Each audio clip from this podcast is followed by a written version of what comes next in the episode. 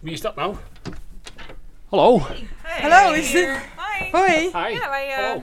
ja, is het uh, Sessie Sassenstraat? Eh, Ja, dit is Sessie Sassenstraat. Oh, eh. maar dan gaan wij nu overnemen. Kom, Ja? ik heb Oh. thee voor je genomen. Ja. Eh, Ik dacht dat je dat Nou. wel lustte. ja, zeker. Ja, het is Eh, Internationale nou, Vrouwendag vandaag. eh, nou, dat, eh, dan gaan we dat maar doen dan. Ja, het is Eh, alleen voor vrouwen. Alleen dus, voor vrouwen. eh, Nou, helaas. dan, eh, dan zet ik de microfoon gewoon op tafel en dan ben ik weg. Oké? Ja, is goed, gaan Ja. we doen. Nou, eh, Dankjewel, makkie hè. vandaag. eh, nou, eh, succes. dank je. Hoi.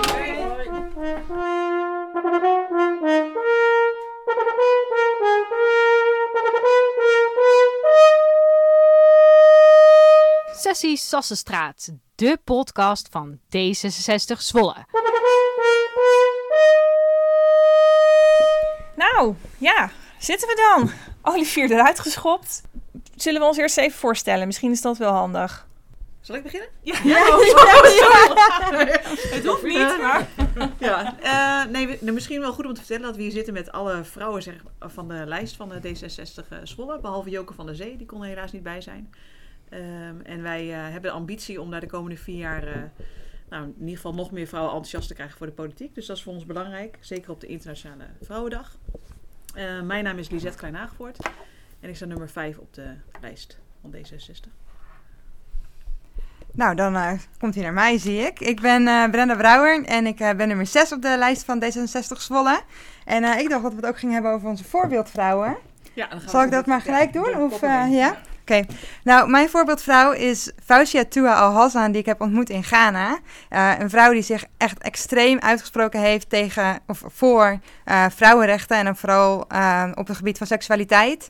Ze komt zelf uit een islamitische achtergrond en heeft, ja, ik heb samen met haar gewerkt aan een aantal projecten waarin ze echt meisjes vanaf jonge leeftijd al de kans geeft en leert hoe je nee kan zeggen als ze iets niet wil. En dat heeft me echt ontzettend geïnspireerd dat ze tegen alle wetten inging en daar gewoon stond, elke keer maar weer. Was jouw collega dan? Ja. Ja, ja, ik heb een project met haar samen gedaan daar. Oh, wauw. Ja, ja. Nou, ik ben dus eh Suzanne, de Sefren Jacquet. En ik sta nummer 4 op de lijst. Ja, mijn, het enige, of nou, enige, de belangrijkste vrouw die bij mij nu in het hoofd komt, is de reden dat ik lid ben geworden van D66. En dat is onze Sigrid Kaag. Ik vind haar echt gewoon een fantastisch mens. En toen ik haar voor het eerst eh, zag, dacht ik echt: dit wordt onze nieuwe pre- eh, minister-president. Dus ik hoop ook eh, met een paar jaar dat, we dat, eh, dat dat gaat gebeuren. En eh, ik heb nog een tweede vrouw. En zij is de reden geweest dat ik hier in Zwolle actief ben geworden in de politiek. En dat is Sonja Pauw. Ook een fantastische vrouw. Ja, jullie horen het niet mensen, maar er wordt hier eh, gebeeld, gebeeldklapt. ja, en ehm, zij en Claudia van Brugge organiseerden afgelopen zomer een meeting met de vrouwen van ehm, eh, D66. En eh, Lisette, jij was er ook. Jij Ik was op vakantie toen. Oh, kijk aan, Ja, ik ja. ging wel komen, maar ja, het was vakantietijd. Ja, ja ik vond gewoon... over vrouwen in de politiek. Ja. hè? Klopt. Ja. Ja, ja, echt om ervoor te zorgen, om te vertellen wat houdt het raadswerk nou in. En om vrouwen een beetje eh, warm te maken voor het werk. En ehm, ja, ik vond dat gewoon zo fantastisch dat ik... Ik heb diezelfde avond heb ik me nog, eh, nog aangemeld. Dus ja, zo, eh, zo kan het gaan. Ja. En jij, uh, Aukelien? Inderdaad, ik ben Aukelien van Nijen. Ik sta op nummer 13. Het, ik ben ooit op de 13e en vrijdag de, de 13e getrouwd. Dus volgens mij is het een geluksgetal. Ik vind het altijd heel lastig van welke vrouwelijke voorbeelden zijn. Omdat eigenlijk het probleem is dat er zo weinig vrouwelijke rolmodellen in de politiek zijn. Dus uh, in, inderdaad, er zijn mensen zoals Sigrid Kaag en Hedy Dancona. Hedy Dancona. Ik denk, ik was ooit van de PPL-lid en dan was je, had je Ria Becker. Dat zijn natuurlijk hele oude... eh, ik heb mijn afstuderen gedaan eh, bij eh, Els Borst. Dus er Oh. zijn best veel vrouwen. Maar ik denk dat we veel meer rolmodellen en dat vrouwen ook meer op posities kunnen komen. Dat meiden naar iedereen kunnen kijken. Dat, je ook, dat we alles kunnen bereiken. Dus, want, en het mooiste voorbeeld wat ik vanuit de beetje campagne heb, dat we bij de vorige Tweede Kamerverkiezing ooit op 8 maart met een hele bus D66 vrouwen tot in het puntje van Limburg zijn gereden om allemaal campagne te voeren. Het regende de hele dag. Dus ik ben nog nooit zo nat geweest, maar het was echt fantastisch inspirerend. Met eh, Petra Stine en ehm, eh, met ehm, eh, Pia ook. En eh, gewoon een hele bus van vrouwen en lekkere broodjes. En, eh, Ja, campagne Dus- voeren om voor de Tweede vrouwen Kamerverkiezingen. ja, op Ja. vrouwen te laten. te Ja, en ook om te, we hebben ook te stimuleren. Want er staan, en eigenlijk ook op onze lijst. Het is natuurlijk, we hebben, ik denk dat D66 wel hun best heeft gedaan in Zwolle.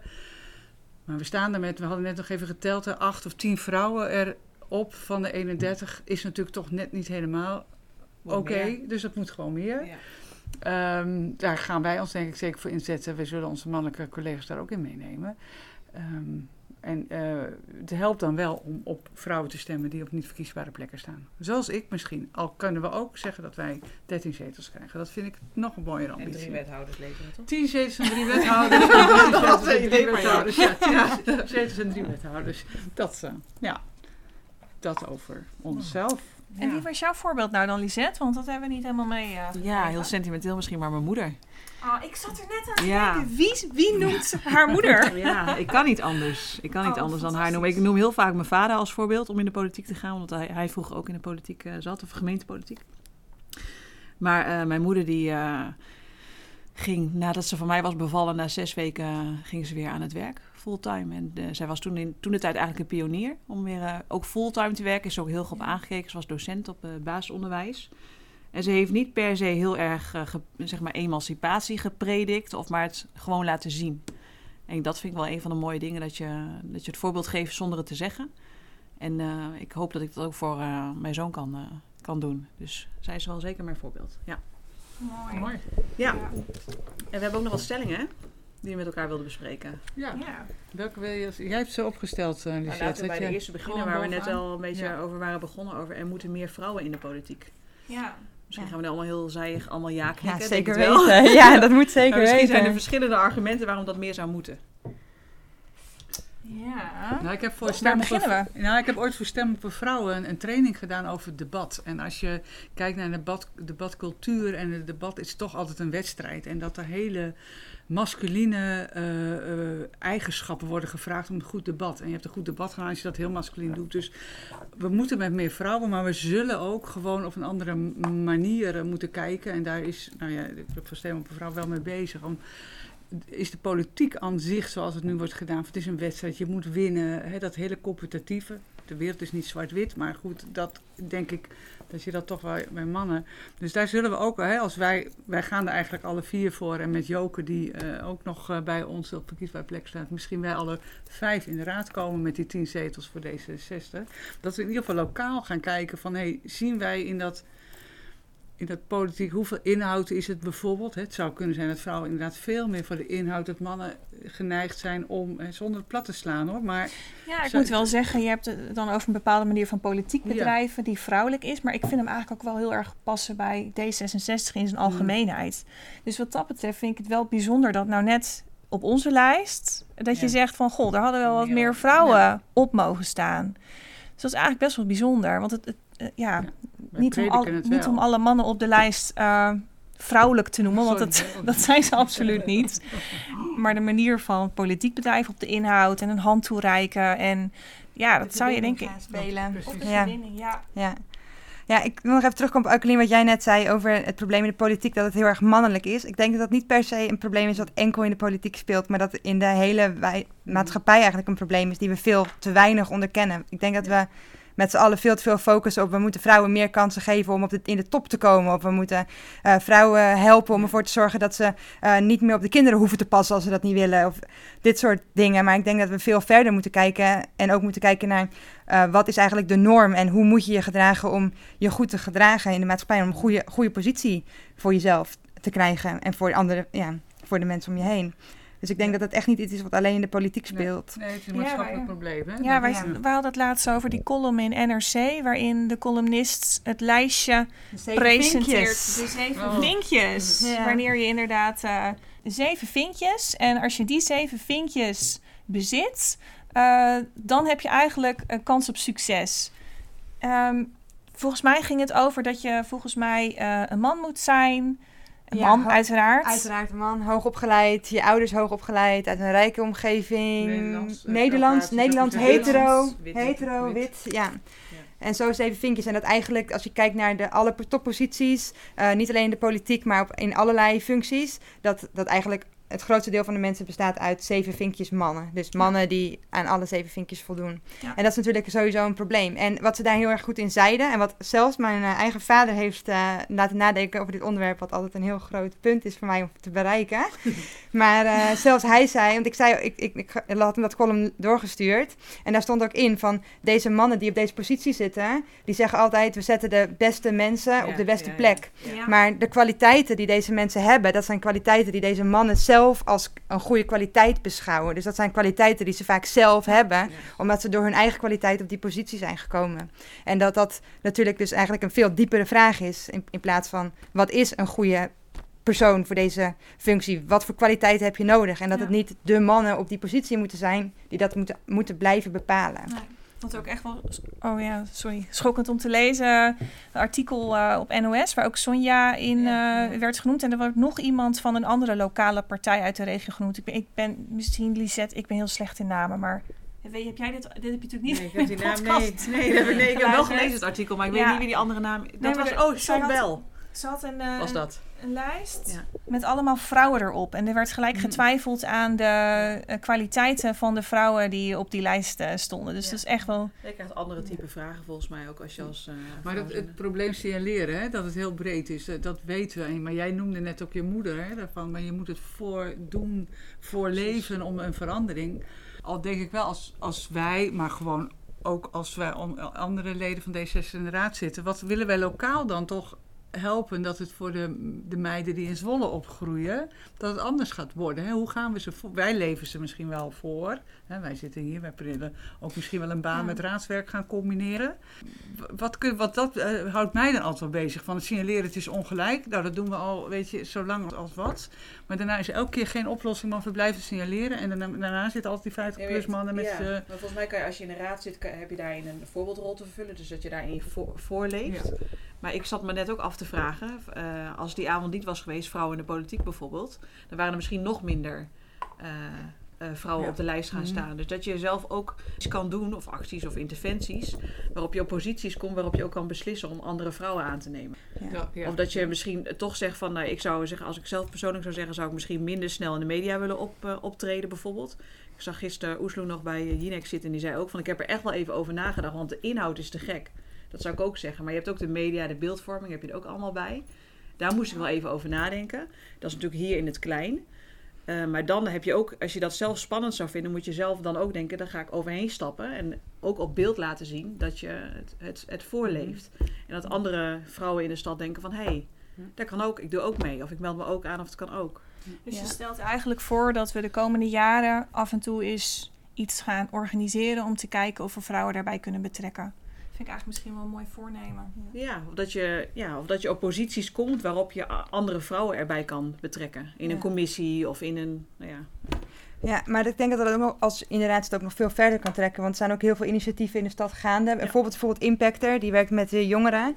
Eh, die heb ik toevallig laatst gesproken. En die zeiden ook, die willen dus ook meer doen om jongeren ook actief te betrekken bij bijvoorbeeld het maken van beleid. En daar kan je natuurlijk ook Ja. eh, op aansluiten en ook op eh, ja, hun ook steunen. Ofwel vanuit politieke of, of middelen vanuit de gemeente, ofwel als persoon in hun missie om bijvoorbeeld jongeren meer actief te maken bij de politiek. En daar kun je het dan ook als vrouw ook nog een actievere rol in spelen. En ook laten zien van kijk, ik ben, nou ja, in mijn geval dan ook nog een jonge vrouw.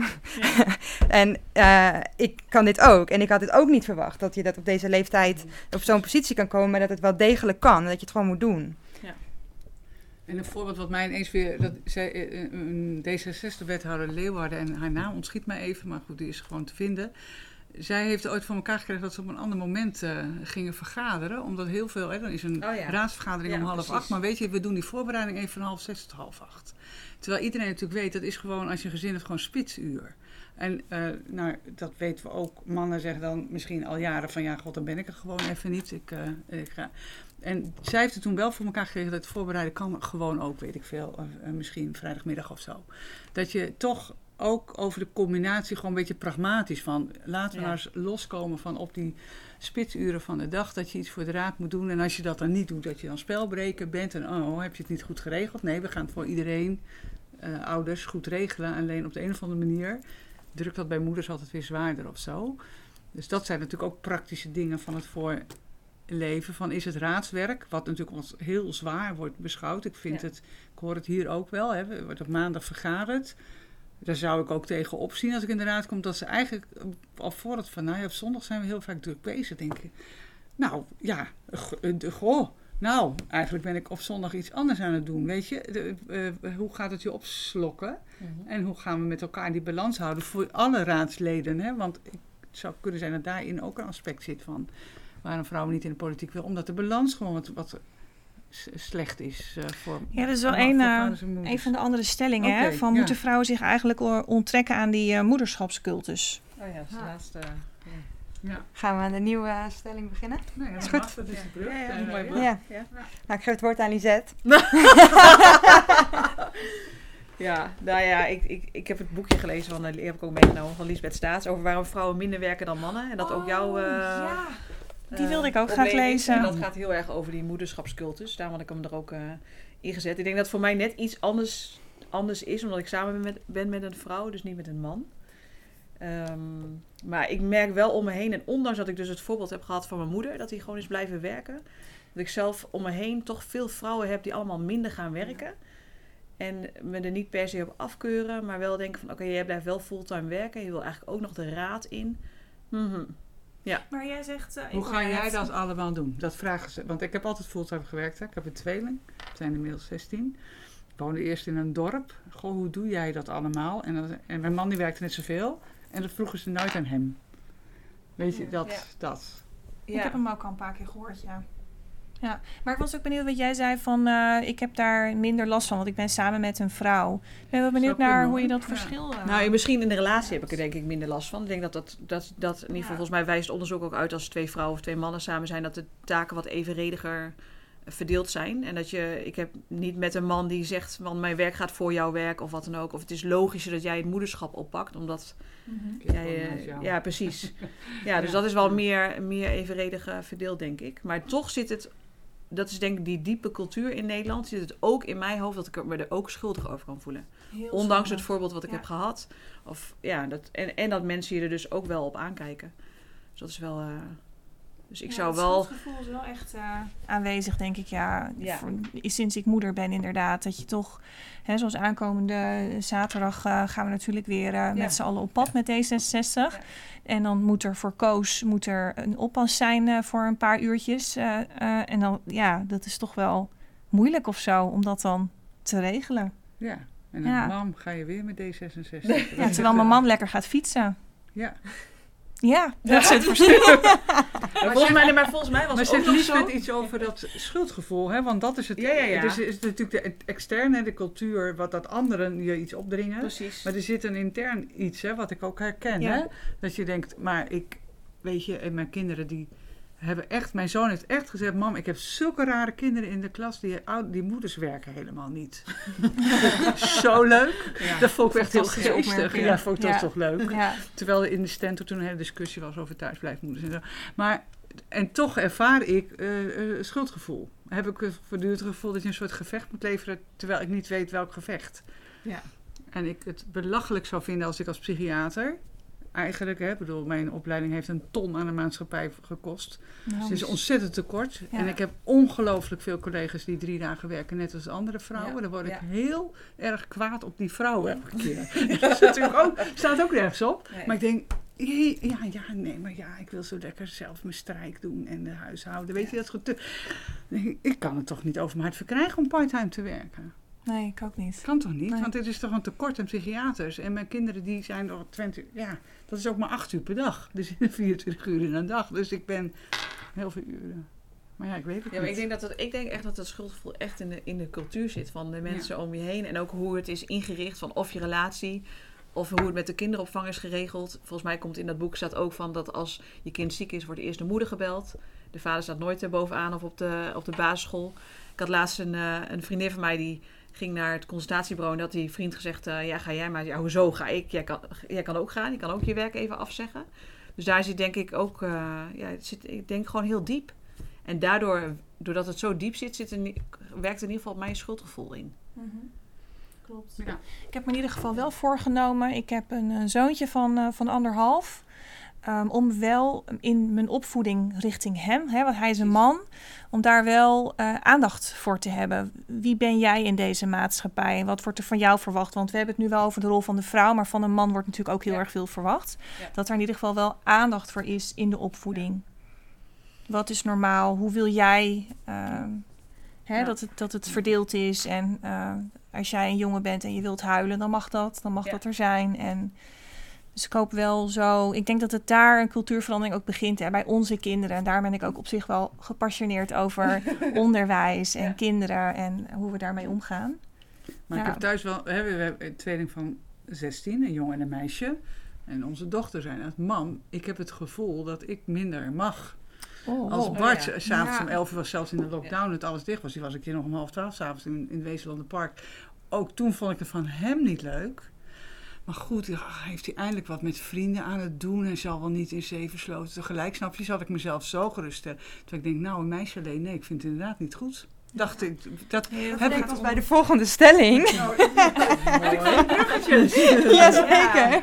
over, ja, dat is ook zo. Welke wilde je doen? Namelijk, in Zwolle moet men vrouwen beter beschermen tegen seksuele intimidatie. Oh. Ja, Ja. want ik neem aan dat dat een van de dingen is dat je bang voor bent als er in eentje op straat loopt. oprecht. Ik heb het ook tegen haar gezegd. Ik zeg, in, eh, de vraag is ook, moet alles gelijk zijn? En hierin is het inderdaad ongelijk. Dat je het gewoon, en dan ga ik toch iets statistisch ook tegen mijn dochter zeggen. De kans dat jij als meisje iets overkomt op straat is gewoon veel groter dan Ja. je broer. Dus dat is gewoon realiteit. En eh, daar ga je je tegen verweren. Dus ik heb wel gekeken van hoe gaan we jou verweren. Eh, hoe heb ik mijzelf ooit verweerd? Want ik was ook een meisje van 16 en toen ik 18 was, fietste ik door Amsterdam. En eh, t- toen ik 15 was, fietsten we over de hei van Bussum naar Hilversum. Ehm, maar dat soort dingen wel. Maar ik dacht wel, ik vond het wel een rare gewaarwording. Ja. Dat, Maar dat je- dus echt het ongelijk is. Ja. Hoe is het Ja. voor jou dan, eh, Brenda? Want eh, je bent ja, de jongste hier aan tafel. Ehm, is het zo dat je er meer mee te maken krijgt dan ook als jonge vrouw, zeg maar? Ja, net als Nou, ik wou net zeggen. Eh, nou ja, ik ben eh, iets jonger. Ik had wel het Maar- gevoel dat hoe jonger je bent als vrouw zijn, hoe meer je ermee te maken krijgt. Dat, Ja, is, volgens, dat, dat- is meer de gedachte, de kronkel Hmm. in mijn hoofd. Ja, dat gevoel heb ik ook wel. Ik heb, ik heb wel toen ik jonger was, wel, gebeurde het ook wel veel vaker dan nu. Ehm, je bent natuurlijk een makkelijker doelwit. Ehm, maar ik denk alsnog dat het alsnog wel gebeurt. En ehm, nou ja, hier nu we het echt over seksuele intimidatie. Maar ik, als we het hebben over dat vrouwen een makkelijker doelwit zijn om te intimideren... dan kan ik ook wel een voorbeeld geven toen we aan het, aan het waren in het centrum. Oh, ja. Dat eh, Bas en Ingrid aan de ene kant van de straat stonden en ik aan de andere kant. En eh, dat ik toch echt wel flink wat negatieve opmerkingen heb gekregen. En echt uitgescholden ben, ook persoonlijk. Omdat ik een flyer aan iemand wilde geven. En nee, terwijl... Nee, het is echt om, het is om- dat mag natuurlijk niet, een flyer geven aan iemand. En ik bedoel, ik doe dat natuurlijk ook heel eh, agressief. En, ja, precies. Ik ben natuurlijk niet vrolijk en ik vraag niet aan iemand, wilt u een flyer? Of nee, dat, nee, uiteraard niet. Ik had er zelf om gevraagd. Ik had ook een rokje aan. Nee, nee, nee, dat niet. Nee, maar toen merkte ik wel dat toen ik ehm, aan de andere kant ging staan, dus tussen die andere twee in, dat, dat dat helemaal geen probleem was. En zij hadden het ook helemaal niet op die manier ervaren. Dus in het begin was er een soort van grapje van dat ik blijkbaar iets verkeerds deed. Maar achteraf heb ik er wel over nagedacht en ook met ze besproken van ja, maar had het er misschien mee te maken dat ik en in mijn eentje stond en een jonge vrouw ben. Ja. En ik weet wel zeker dat dat ermee te maken heeft. Ik had dezelfde ervaring hoor. Ik stond met eh, Paul en Bram eh, op straat. En eh, ik vroeg een paar keer aan ze van... Goh, krijgen jullie ook van die heftige reacties? Nee, waar heb je het over? Dat ik denk, oh, ja, het zal wel toeval zijn, weet je wel. Ja. En later denk je, nee, dat is geen toeval. Nee, ik Het was echt blij dat jij met hetzelfde verhaal terugkwam. Ja. Het was dezelfde dag en ik was echt, Ja. ik zat hier ook in deze kamer en ik dacht echt een beetje van, poeh. Ik had me er wel op ingesteld dat je negatieve ervaringen gaat krijgen als je de politiek ingaat. Het waren ook eigenlijk al mijn vriendinnen tegen wie ik vertelde, nou, ik heb, dit, ik heb me aangemeld. Kreeg ik ook wel vaak de vraag van, ben je dan niet bang voor wat er dan gaat gebeuren? Of wat er, hoe mensen daar dan tegen je gaan, die zich tegen je gaan gedragen? Of dan moet je openlijk zeggen waar je voor staat. En dan krijg je sowieso, eh, nou ja, ja, precies. Maar, dus ik had me er wel op ingesteld, maar de hoeveelheid en de manier waarop dat ging, wa- was toch wel schokkend. En ik denk dus echt wel dat het te maken heeft met dat ik een vrouw ben. De vraag wat we daar aan moeten doen, vind ik dan wel weer heel lastig. Eh, omdat ik denk dat met alle dingen die, eh, die vaak geroepen worden van dit is de oplossing. Bijvoorbeeld, nou ja, als we het hier hebben, over seksuele intimidatie op straat, om bijvoorbeeld camera's op te hangen. Ja, volgens mij los je daar absoluut niks mee op. En heeft het echt geen zin. Ehm, en zit het probleem heel veel dieper, namelijk bij het feit dat, als, dat mannen denken dat ze dat mogen doen bij vrouwen. Dat als je een lekkere wijf langs ziet lopen, want dat is vaak wat er dan in hun hoofd rondgaat, volgens mij. Volgens mij wordt dit soort termen dan gebruikt. Dan, Object. dan, ja, precies. Ja, ja, je, dat dan niet bedoel- door, je wordt alleen door mannen negatief dan werd je benaderd op straat? Of was het, waren het ook... Nou, in dit geval was het over het algemeen mannen. Ehm, en een aantal keer was het wel een man die dan naast een vrouw stond en die vrouw daarna zijn arm zat te trekken. Van dit kan je echt niet maken. Oh ja. Ehm, dus, maar het waren wel eigenlijk altijd de mannen die ook een stapje verder gingen. Zeg maar, er waren ook vrouwen die zeiden: Ik ben niet met jullie eens. Ja, Ja. oké, nou ja, dat Prima. is de Ja. bedoeling, want het is politiek en het is democratie en je bent het niet allemaal met elkaar eens. Dat hoort. Ja. Maar de mannen waren wel meer van: Je moet oprotten. En ja, En als je het dan hebt over beter beschermen, wat zou dan beter beschermen zijn? Want camera's niet, maar jij... Nee, ja, nou, ik, ik zei net al, volgens mij begint het ermee eh, bij, ja, bij preventie. ja. Ja. het begint bij jongs af aan. Een stukje cultuuromslag moet er komen. En ik voel mij als ouder zijnde, zeg maar, verantwoordelijk voor hoe ik mijn zoontje Koos daarin opvoed. Als hè, eh, toekomstige man van de maatschappij. Dus ik denk dat daar een heleboel in zit. Dat je qua preventie veel meer te, dat er veel meer te halen valt dan achteraf repressie of camera's ophangen. Of, Maar ik denk ook dat bijvoorbeeld alles wat nu in het nieuws komt ook heel veel helpt. ja. Want ik hoor, hoor nu ook wel veel van mijn vriend, als zijn vrienden komen, dat ze het allemaal toch bespreken en het allemaal niet zo mee eens zijn en vinden het overdreven is. Maar als je dan ook maar één vraag verder met ze stelt, dan zijn ze het eigenlijk uiteindelijk wel eens. Zeggen ze, ja, dat hoort ook allemaal niet. En alle mannen die ik heb gesproken hebben nooit een dikpik gestuurd. Ik vind het statistisch onmogelijk. Maar, maar goed, hè. laten we ze maar geloven op hun Ja, eh, mooie blauwe ogen. Nee, hè. heb jij daar je telefoon staan, Brenda. Zullen we die vraag niet beantwoorden? Nee, maar in de tijd dat ik eh, nog op Tinder zat, heb ik wel heel vaak dickpics gekregen hoor. Ja, echt heel vaak, ja. Ik heb dat tijdperk echt een beetje eh, overgeslagen, helaas. Want ik denk dat ik een mooie... Nou ja, ik kreeg, ik kreeg laatst een hele leuke collage doorgestuurd van, van, van Mark Overmars. En als je inzoomde, Oh ja. nou je raadt wel wat je zag. Maar gelukkig zien we het niet op de zegt, podcast. Als je het zeg maar in de media, dat het nu zo'n onderwerp is, want seksuele intimidatie is natuurlijk niet alleen op straat, maar kan ook op werk, eh, werk zijn. Of wij spreken in, eh, in, ook in de politiek, of niet bij wijze van spreken, maar ook in de politiek. Daarin gebeurt het natuurlijk ook. En ik denk dat, ehm, wat je net zei, dat doordat het nu zo bespreekbaar is, of in ieder geval in de beeldvorming zo meegaat, hoor ik ook wel, ook eh, als wij met kandidaatsraadsleden hebben en, die- en de mannen maken een bepaald grapje, dat ze toch wel even toetsen van, hé, hey, eh, kan het wel? Of gaat het net even iets over de grens? Dus dat heeft het al wel eh, losgemaakt volgens mij. Waardoor je er in ieder geval met elkaar over in gesprek kan gaan. En dat is misschien wel stap 1, dat je niet tegenover elkaar komt staan van de vrouwen zijn aanstellers en moeten niet zo zeuren. En, en mannen moeten gewoon kunnen zeggen wat ze willen. Dat is wel een beetje aan het kantelen volgens mij. ja. Zelfs bij Johan Derksen. De wonderen zijn de wereld nog niet uit. Ja. Maar ja. Hey, en ehm, als we het dan hebben over eh, mannen en vrouwen en mannen die wat meer op hun woorden letten, denk je dat we dat ook gaan merken in de debatten? Die gaan komen. Eh Lisette, jij hebt een debat eh, Ja. gedaan al. Ja, dat vind ik voor, op, aan de hand van gisteren een beetje lastig te beoordelen. Maar ik zag gisteren ook nog een voorbeeld van Renske Leijten... die eh, naar voren liep in de microfoon en tegen de voorzitter zei... mannelijke voorzitter van... eh, prima dat je strak op de tijd bent, maar wil je niet heten de vrouwen onderbreken? Dus volgens mij is dat ook wel een landelijk eh, politiek punt geweest, ook in de ministerraad. Dus dat, ik kan dat voor hier helemaal niet beoordelen, maar ik zou dat wel heel interessant vinden om, om te kijken of dat dan ook hier in de gemeenteraad ook gebeurt. Alsof je als vrouw eerder wordt, eh, wordt af, eh, afgekapt. Praktisch ding om er gewoon op te letten. Of Ja, en volgens mij helpt het ook, in ieder geval ook uit onderzoek blijkt ook wel ja. dat als, als je met een paar vrouwen bent, dat het handig is om elkaar in ieder geval in zo'n raad of in een bestuur ook te bevestigen. Dus als, als de ene vrouw aan het woord dat de ander de- hem inkoopt of knikt of dat je elkaar in ieder geval steunt. Ja, Dat is wat je kan doen om een soort van collectief te vormen volgens mij. En dan bedoel je ook met de andere partijen wel. Ja. Ja. Ja.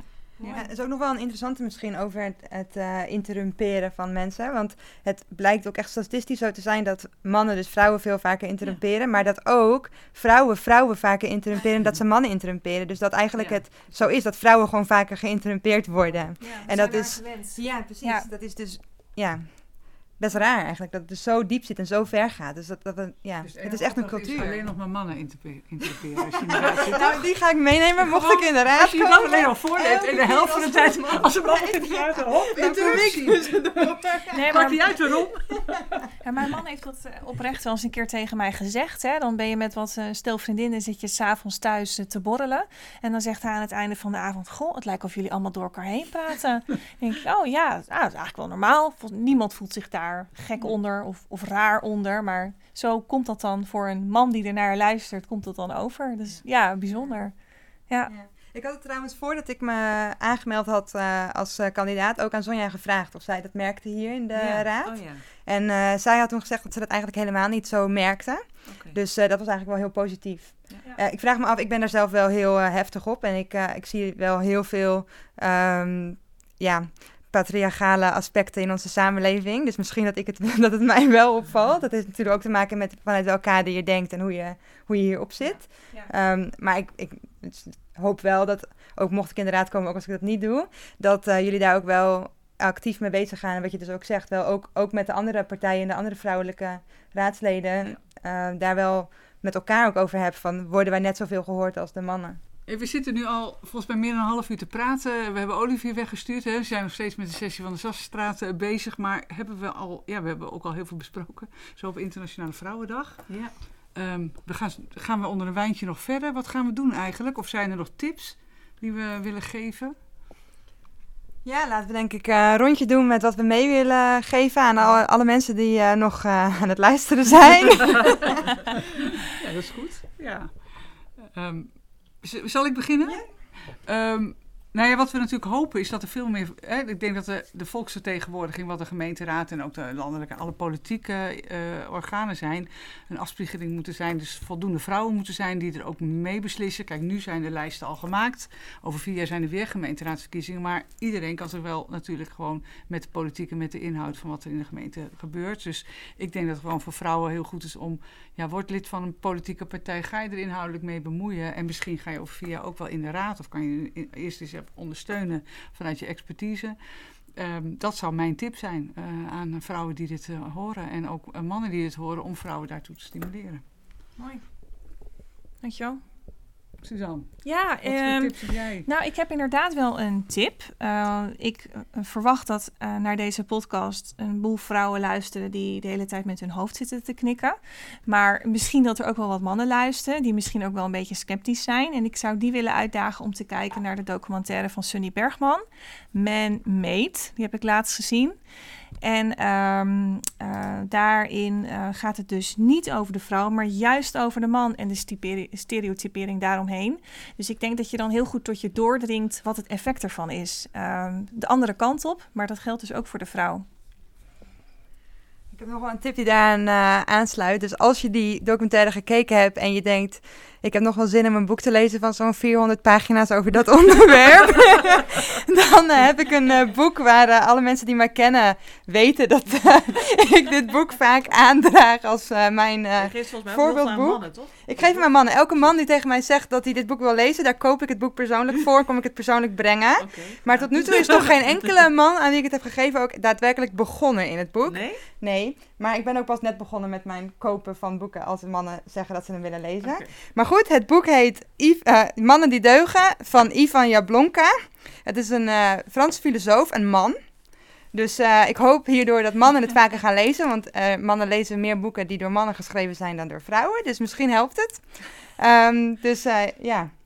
En ik hoop niet dat jullie nu allemaal mailtjes gaan sturen. dat ik voor jullie allemaal boeken we ga. Oké, We betalen mooi. mee aan onze eigen emancipatie natuurlijk. Ja, Ja, dat is mooi. ja. Zal ik aansluiten dan met een... eh, oh, Nee, ja, zo. wat ik even dacht, dan wil ik voor jou dat linkje over dat er meer mannen, meer vrouwen mannenboeken lezen van mannenschrijvers. Want Ja. mijn zoon is nu op mijn aanraden met twee vrouwelijke schrijvers bezig. Oh, dus, ja. het wat? Nee, dat Nee. is helemaal niks, maar hij vindt het nog wel aardig. Dus hij is nu met Ah, Roxanne oké. van. Oh, nou. Ja. Het Hogenest? Ja, het Hogenes en hij moet de Anniette van der Zij lezen. Dus misschien gaan we de statistiek wat helpen Ze met moeten deze dan jonge vrouwelijke auteurs lezen. Vrouwelijke auteurs. Nou, ik heb hier een vrouwelijke auteur. Heel mooi bruggetje. Ik wou hem eigenlijk wel laten zien, maar dat kan natuurlijk niet in de podcast. Maar eh, het bo- het boek van de Lisbeth Staats is er nog niet zo heel lang uit. En zij eh, heeft een boek geschreven waarom vrouwen minder werken dan mannen en dat ook jouw probleem is. En ik heb hem eh, in één dag uitgelezen. En zij heeft een hele mooie podcast ook opgenomen met eh Eus. Eh, je- onze man in Deventer. Oh, ja. Ja, als, je dat, als je geen zin hebt om te lezen, luister dan, luister dan die podcast even terug. Je leert er heel veel uit en zet je op een andere manier aan het denken. En brengt je ook in gesprek met je partner over dit onderwerp. En er is ook een documentaire over gemaakt, hè? NPO Ja, te ze zien. heeft een uh, vierdelige serie daarover gemaakt. Je niet wil ook lezen dat. en niet naar podcast wil luisteren, ook maar die zitten natuurlijk eh, niet. Precies, Ja, die zitten niet hier het te probleem luisteren. goed. En volgens mij is het aan onze taak om als het om het probleem, of nou ja, nou ja, probleem, de uitdaging, maar om het op de agenda te houden in de lokale politiek en ook mee te liften op de landelijke ontwikkelingen die daarop zijn. Dus, ehm, En misschien doen we ook nog een belofte. Dat we wij ons eh, de aankomende vier jaar in ieder geval ook echt actief gaan blijven inzetten om ervoor te zorgen dat er op de volgende lijst meer vrouwen staan. Hey. Hey! Ja, dat kunnen ze niet zien.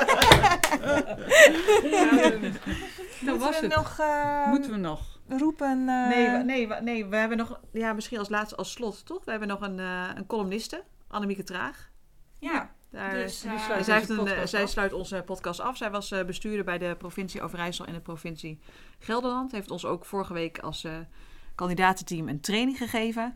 En zij gaat een, eh, een column inspreken voor deze eh, podcast. Dus eh, veel plezier met Annemieke.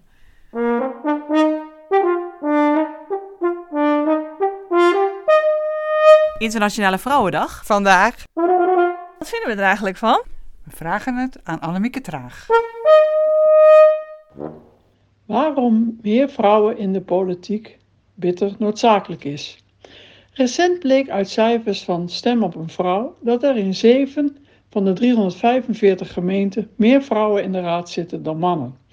Dus in 338 gemeenten zitten veel meer mannen dan vrouwen. Dat is zo ongeveer in 98% van alle gemeenten.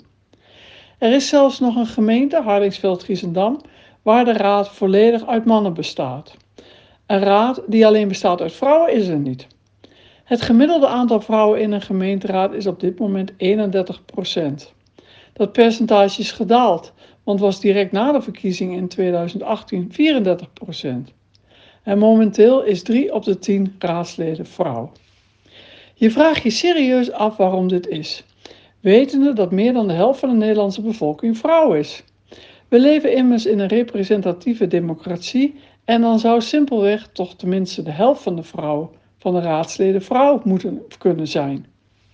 Vrouwen zijn al jarenlang ondervertegenwoordigd in de Nederlandse politiek. Wat de oorzaak hiervan is, is al meerdere keren onderwerp van onderzoek geweest. Een verklaring die vaak wordt genoemd voor het relatief lage percentage vrouwen in de politiek is de stereotypering, beeldvorming die we hebben van mannen en vrouwen. Vrouwen worden vaak minder, minder vaak als leider gezien dan mannen. Seksisme en aandacht voor het uiterlijk van vrouwen werken ook afschrikwekkend. En nog steeds is het in de meeste gevallen zo dat de vrouw na de geboorte van een baby minder gaat werken. Van alle Europese Unielanden werken vrouwen in Nederland het minst aantal uren. Waarom is het dan toch belangrijk dat er meer vrouwen in de politiek zitten en in de gemeenteraad? De vraag stellen is hem ook beantwoorden. Wanneer er sprake is van een gelijkere man-vrouw verdeling in een gemeenteraad, dan betekent dat simpelweg dat de bevolking beter wordt vertegenwoordigd. Immers, de bevolking bestaat niet alleen uit witte mannen van boven de 50, wat nu het grootste deel is van de gemeenteraadsleden. Er komen dan ook zeker onderwerpen aan de, aan de orde die vrouwen raken. Denk bijvoorbeeld aan de recente wetswijzigingen over afschaffen van de verplichte bedenktijd voor abortus in de Tweede Kamer. Of onderwerpen in de raad als veiligheid op straat, in huis en in relaties. Vrouwen voelen zich niet alleen beter vertegenwoordigd, maar er wordt ook beter voor hen gezorgd. Daarnaast fungeren vrouwen in een gemeenteraad of in een college ook als rolmodel voor jonge vrouwen. Een rapport van de United Nations Women laat zien dat vrouwen in de politiek een positief effect hebben op onder andere klimaatproblematiek, wetenschap en landbouw. En McKinsey heeft onlangs aangetoond dat gendergelijkheid de economie het waanzinnige bedrag van 114 miljard euro kan opleveren. Kortom, meer diversiteit in de gemeenteraad komt ten goede aan de kwaliteit van de democratie en voor het vertrouwen in de politiek. Meer mensen met verschillende achtergronden praten mee en met meer mensen wordt er dan rekening gehouden. Hoe komen er dan ook meer vrouwen in de politiek en in de gemeenteraad? Wat is daar ook voor nodig? Dat kan natuurlijk door campagnes en acties te beginnen, sowieso al op de middelbare scholen onder meisjes en jongens. En om ze warm te maken voor het belang van politiek. Contact leggen met vrouwen die een voorbeeldfunctie vervullen, zoals ik hiervoor al meldde. Trainingen specifiek voor vrouwen die in de gemeentepolitiek willen. Hanteren van quota van zoveel vrouwen is natuurlijk ook een goed instrument. En last but not least, gewoon stemmen op een vrouw. dan zorg je er mede voor dat iedereen wordt gehoord. Meer vrouwen in de lokale politiek is zeker een goede eerste stap. Tegelijkertijd is het ook zo dat met name op landelijk niveau een politieke carrière van vrouwen gepaard gaat met seksisme en vrouwenhaat. Onlangs wees een Twitter-onderzoek van de Utrechtse Dataschool uit dat vooral Sigrid Kaag en Sylvana Simons hier in extreme zin mee te maken hebben met seksistische uitingen op sociale media. Een echte cultuuromslag in de politiek en daarbuiten is noodzakelijk, zodat vrouwelijke politici hun politieke werk gewoon kunnen doen, net zoals de vele mannelijke politici. Vrouwen zullen ook zelf initiatief moeten nemen en zich moeten laten zien in het politieke landschap. Dat gaat niet vanzelf en je zult je nek op moeten uitsteken. Toen ik kans kreeg om out of the blue gedeputeerde te worden in Gelderland, was dat voor mij een compleet nieuwe wereld. Ik was weliswaar al 100 jaar lid van D66 en had wel in werkgroep en bestuur gezeten van D66, maar ik had geen enkele ervaring als raads- of statenlid. Ik ben maar gewoon begonnen en heb mijn weg gevonden in het college en in de, in de relatie met de staat en met de ambtenaren. Ik zocht ook steeds verbinding met mijn collega's, keek goed waar ik wat van kon leren en ben eigenlijk vooral zoveel mogelijk mezelf gebleven. En ik zocht ook de ruimte en claimde soms ook echt positie in debatten en optredens. En ook ik ben onderwerp geweest van roddel en achterklap en twitterscheldpartijen. Tegelijkertijd heeft, de politiek, heeft het politiek actief zijn mijn wereld zeker verrijkt en gelukkig is mijn mensdeel redelijk positief gebleven. Ik sluit graag af met een oproep. Weilen Elsbos zei het al in 1998. Politiek is te belangrijk om alleen aan mannen over te laten. Ga alsjeblieft stemmen en stem op een vrouw 16 maart.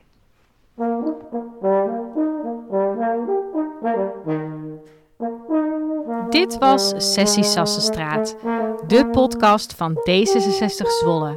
Vragen, opmerkingen, mail naar secretaris.d66zwolle.nl